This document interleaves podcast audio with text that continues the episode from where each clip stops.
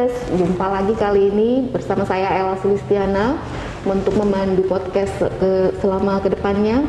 Ka, sekarang kita kedatangan eh, tamu yang spesial. Kali ini kita akan membahas sesuatu yang nggak biasa, yaitu mengenai ternak lebah madu.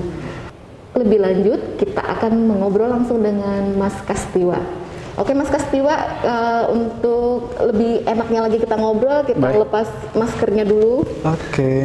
Oke, walaupun kita lepas masker, pemirsa cuma uh, kita tetap uh, mematuhi protokol, protokol kesehatan dengan menjaga jarak sama Mas Tiwa. Siap. Jadi insya Allah kita tetap aman. Aman, aman, aman. Halo Mas Tiwa, apa kabar nih? Alhamdulillah baik Mbak Ella. Apa kabar juga nih Mbak Elanya? Terima kasih banyak nih udah diundang di apa tadi? Palembang Express, cukup Palembang pedas. Express ya, cukup pedas. Iya, cukup Oke, pedas. siap.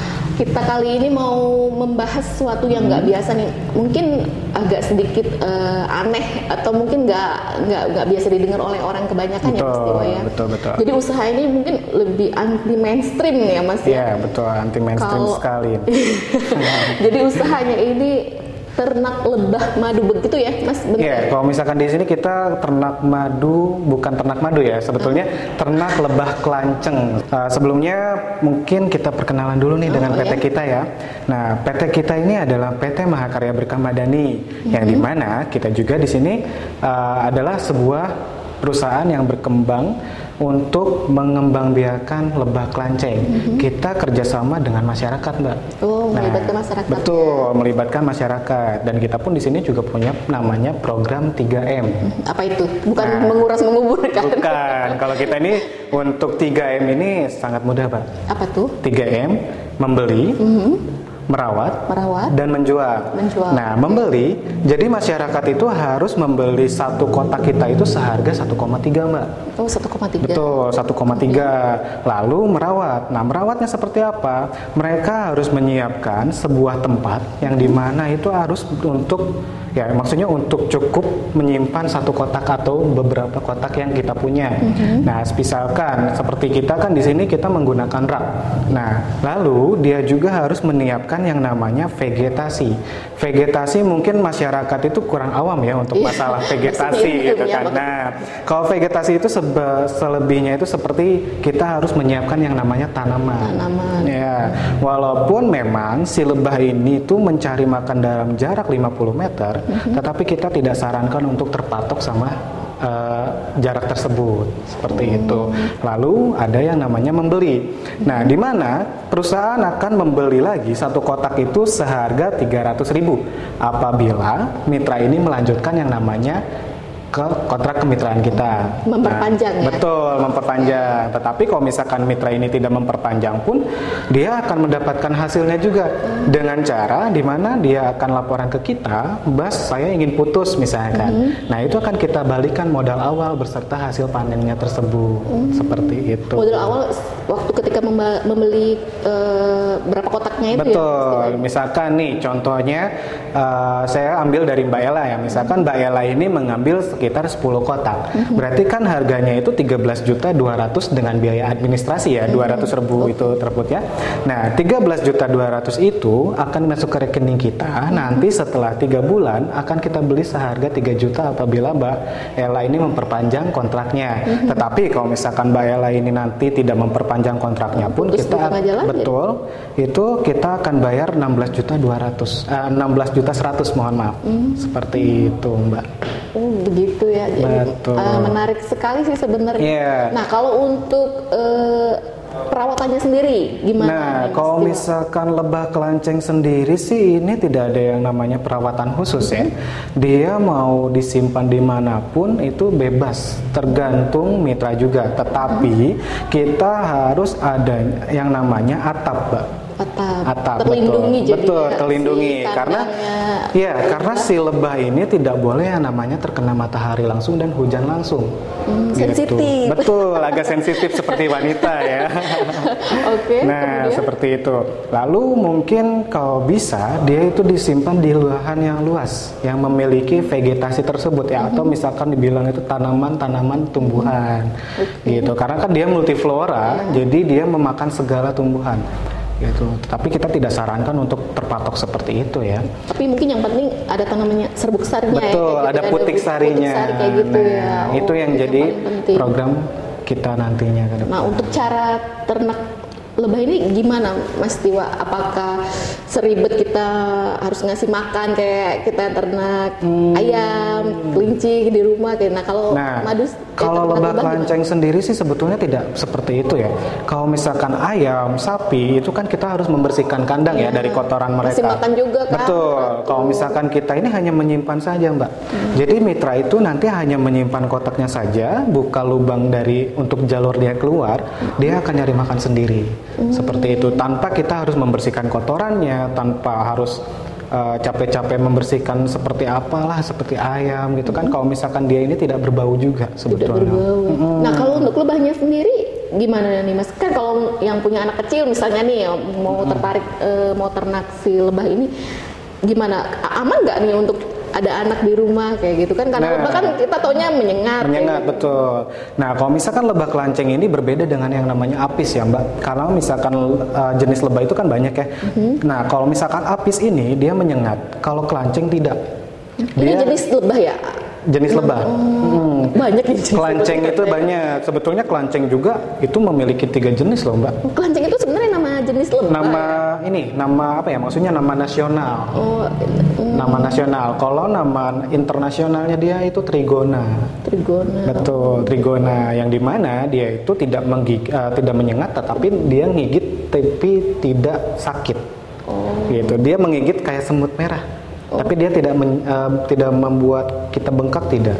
Jadi Gitu. ini diternak di rumah yang punya anak kecil juga aman. Aman, ya? aman. Dia juga tidak akan masuk ke rumah, dia pasti standby di tempatnya dia sendiri seperti itu. Kemudian kemudahan lainnya kita ternak lebah ini apa sih? Mas? Nah, kalau misalkan kemudahannya tuh ini tidak memakan space yang banyak ya, Mbak. Mhm. Kalau misalkan kita simpan di satu meja pun dia aman kok. Aman ya. gitu. Tetapi hati uh, mitra pun harus hati-hati juga karena kalau misalkan si kotak ini hilang itu tidak akan kita ganti mbak.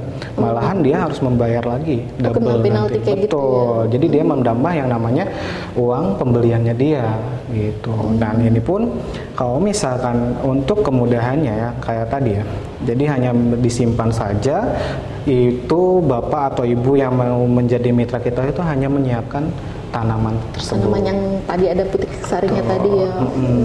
Nah, kalau kita tadi udah bicara kemudahan si ternak lebah ini, kalau untuk eh, keunggulannya apa sih yang kita bisa kita peroleh dari ternak lebah ini? Mungkin pemirsa cukup pedas juga pengen tahu kan, eh, sudah mudah tadi, tapi keunggulannya apa sih yang bisa diperoleh kan udah investasi 1,3 ya untuk Betul. per kotaknya. Nah, apa yang bisa diperoleh Mungkin bisa Nah, di sini juga kita ada yang namanya untuk keunggulan ya. Keunggulan kita kan dari dari hasil panen itu akan kita beli kembali ya.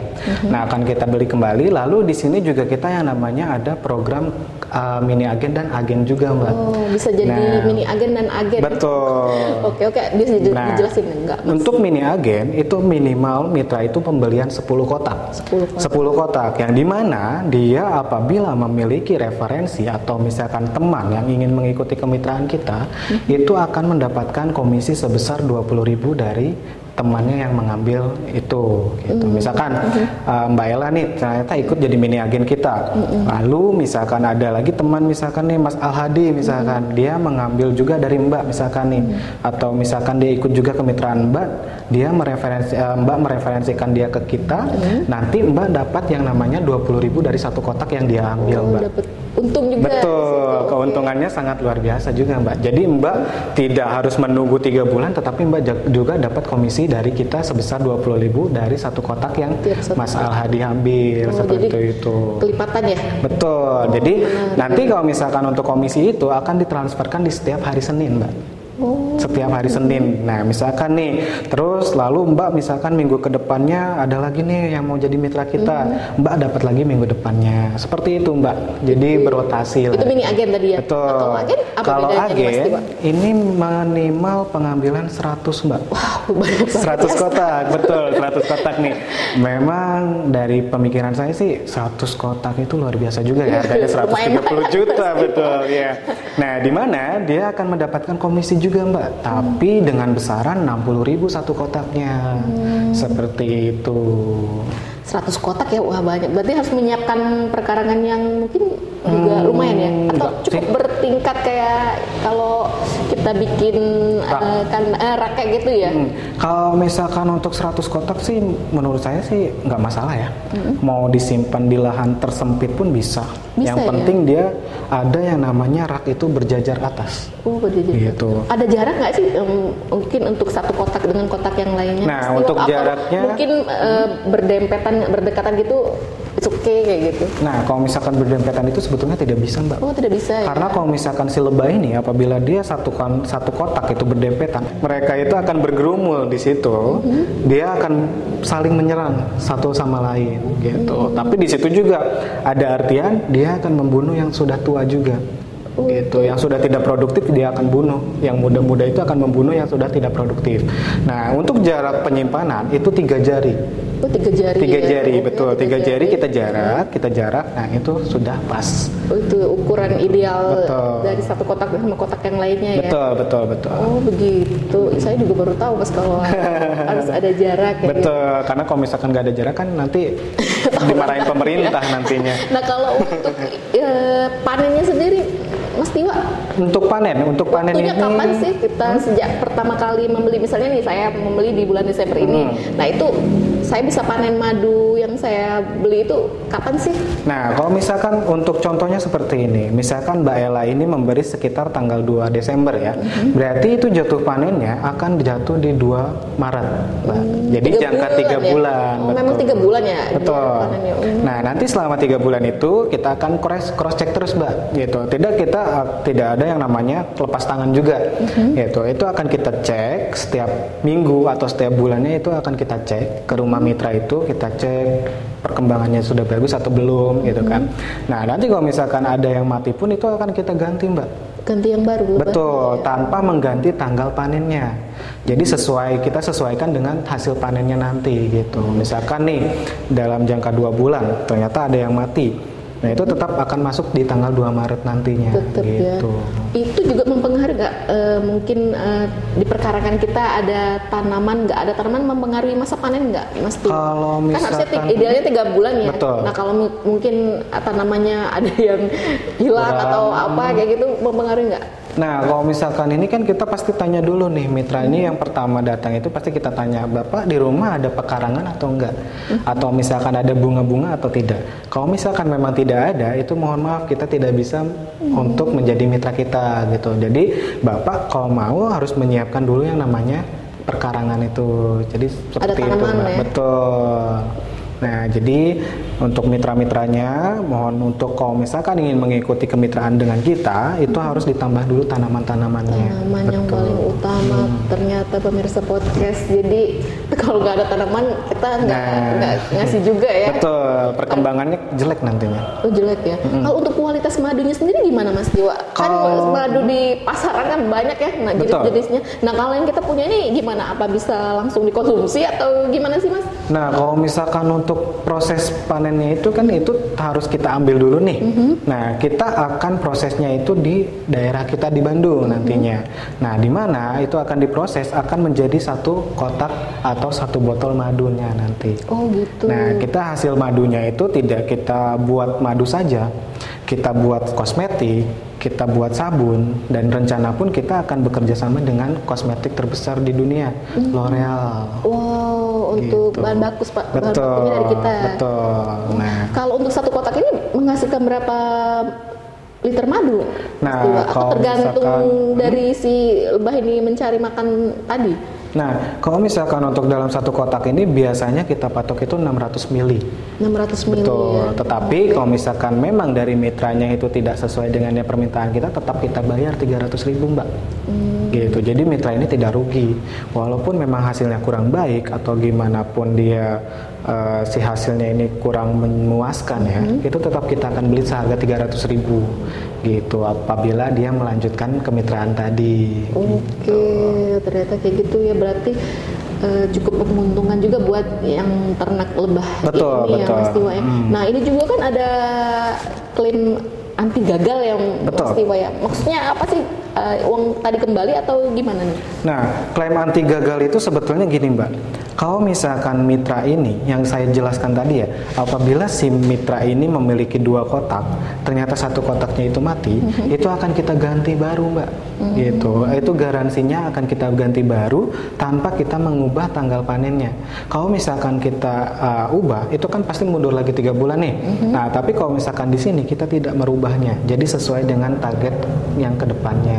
Kalau putus kontrak tadi uang kembali ya? Iya, ya, putus tem, uh, putus kontrak itu akan kita balik kembalikan lagi uang modal awal dengan hasil panennya tersebut. Oh gitu. gitu. Nah, madu yang kita panen dari uh, konsumen kita ini hmm. kita apakan Mas Tia nah. selain jadi madu juga hmm. kayaknya kan produknya juga ada sabun ya saya lihat di situ Betul. ya. Hmm. Nah, kalau misalkan produk kita ini biasanya kita madu ini kita ekspor, Mbak. Oh, ekspor. Kita ekspor itu biasanya kita kirim ke Australia, ke hmm. Eropa, itu semua kita kirim. Hmm. Tetapi mungkin karena lagi Covid seperti ini ya, hmm. jadi sistem ekspor kita itu kurang maju lagi hmm. gitu. Dan akhirnya kita jual lah di nasional dulu seperti itu. Lalu kita juga memproduksi sabun. Hmm. Ini terbuat dari bipolen, Mbak. Oh, bipolen. Betul. Jadi kan dalam satu kotak ini tidak memproduksi madu aja. Hmm. Dia memproduksi propolis, bipolen dan hasil madunya. Oh, nah, gitu. kita masukkan juga ya. madu, bipolen, propolis, vitamin D, vitamin C semua di sabun tersebut. Hmm. Sabun ini untuk kecantikan kayak Betul. gitu ya, bener ya Mas. Yeah. Jadi dipakainya hanya untuk di untuk di wajah. Wajah aja ya. Betul. Oh, baik, menarik ya. Betul. Selain itu apa lagi mas dari madu yang kita hasilkan ini? Uh, mungkin nanti kita yang seperti tadi saya bilang ya, untuk kita mungkin saat ini mencanangkan akan bekerja sama dengan L'Oreal Paris, mbak. Oh. Dia akan membuat yang namanya sabun dan sampo-nya itu. Dari produk hasil madu kita. klanceng oh, kita. Gitu. Nah kalau untuk madu yang kita hasilkan mungkin sih bedanya dengan madu-madu yang dijual di Wah, luar sana, Mas Tiwa? Pasti masyarakat ini masih penasaran juga ya, karena hmm, karena kebanyakan madu-madu di supermarket, minimarket mm -hmm. itu manis-manis semua. Mm -hmm. Nah kalau kita ini madunya masam, mbak. Oh masam. Asam sekali. Mm. Gitu. Kalau misalkan. Oh, asam sih. Biasanya kan madu kan orang taunya kan manis hmm. kayak gitu. Nah, kenapa asam? asam? Biasanya banyak ber, uh, orang-orang tuh bertanya, hmm. kenapa sih asam gitu kan? Nah, ini gara karena dia memfermentasi, Mbak. Hmm. Jadi selama tiga bulan itu si lebah ini fermentasi madunya karena dia multiflora dia memfermentasi nah jadilah asam rasanya oh, seperti asam. itu oh mungkin mbaknya mau coba bisa nanti iya, iya, iya, selain itu madu yang kita produksi ini mungkin ada khasiatnya nggak sih nah Mas kalau tua? misalkan untuk khasiat sih ini hanya untuk antibodi kesehatan antibody. pun aman ya mm -hmm. tetapi dia juga aman untuk diabetes untuk oh, lambung. Karena diabetes kan nggak bisa sembarang ya. Betul, karena kan Manis, kan manisnya. Hmm, karena misalkan si lebah kelanceng ini dia kan fruktosa ya. Untuk gulanya itu fruktosa yang di mana dia ya, si gula fruktosa ini bisa dicerna oleh tubuh, tubuh kita. Di, mudah diserap. Betul. Gitu ya. Oh baiklah. Kalau untuk sendiri gimana? Boleh? Kalau untuk anak aman. Tetapi ya. untuk konsumsi anak-anak mungkin satu sendok teh saja. Sendok teh. Hmm. Okay. Kalau untuk orang dewasa dia biasanya minum itu tergantung ya orang-orang itu tergantung ada yang dicampur dengan teh mm -hmm. ada yang dia campur dia minum dengan air biasa. Nah, mm-hmm. kalau misalkan ada juga yang langsung diminum ya. Mm-hmm. Nah, kalau misalkan langsung diminum itu biasanya kita sarankan hanya setengah sendok makan saja sendok setiap pagi dan malam okay, seperti okay. itu. Kalau untuk warna madunya sendiri agak gelap, taman gelap kayak hmm, gitu ya. Betul. Oh my god. Ini, itu karena mempengaruhi kandungan yang betul. di jadi, dalamnya tadi ya. Ya, jadi kan ini sudah empat bulan ya. Untuk madu yang kita sudah produksi ini sudah empat bulan. Mm-hmm. Dia memang akan berubah warna menjadi agak kecoklatan hitam-hitam seperti itu. Tapi nggak berubah rasa ya? Nggak berubah rasa, tetap hmm. Asam lah. Itu ciri khasnya lebah kelanceng tersebut. iya, karena taunya kan madu itu manis. nah, kalau misalkan madu manis itu biasanya dia campur sirup. Oh, dicampur sirup ya justru ya. Betul.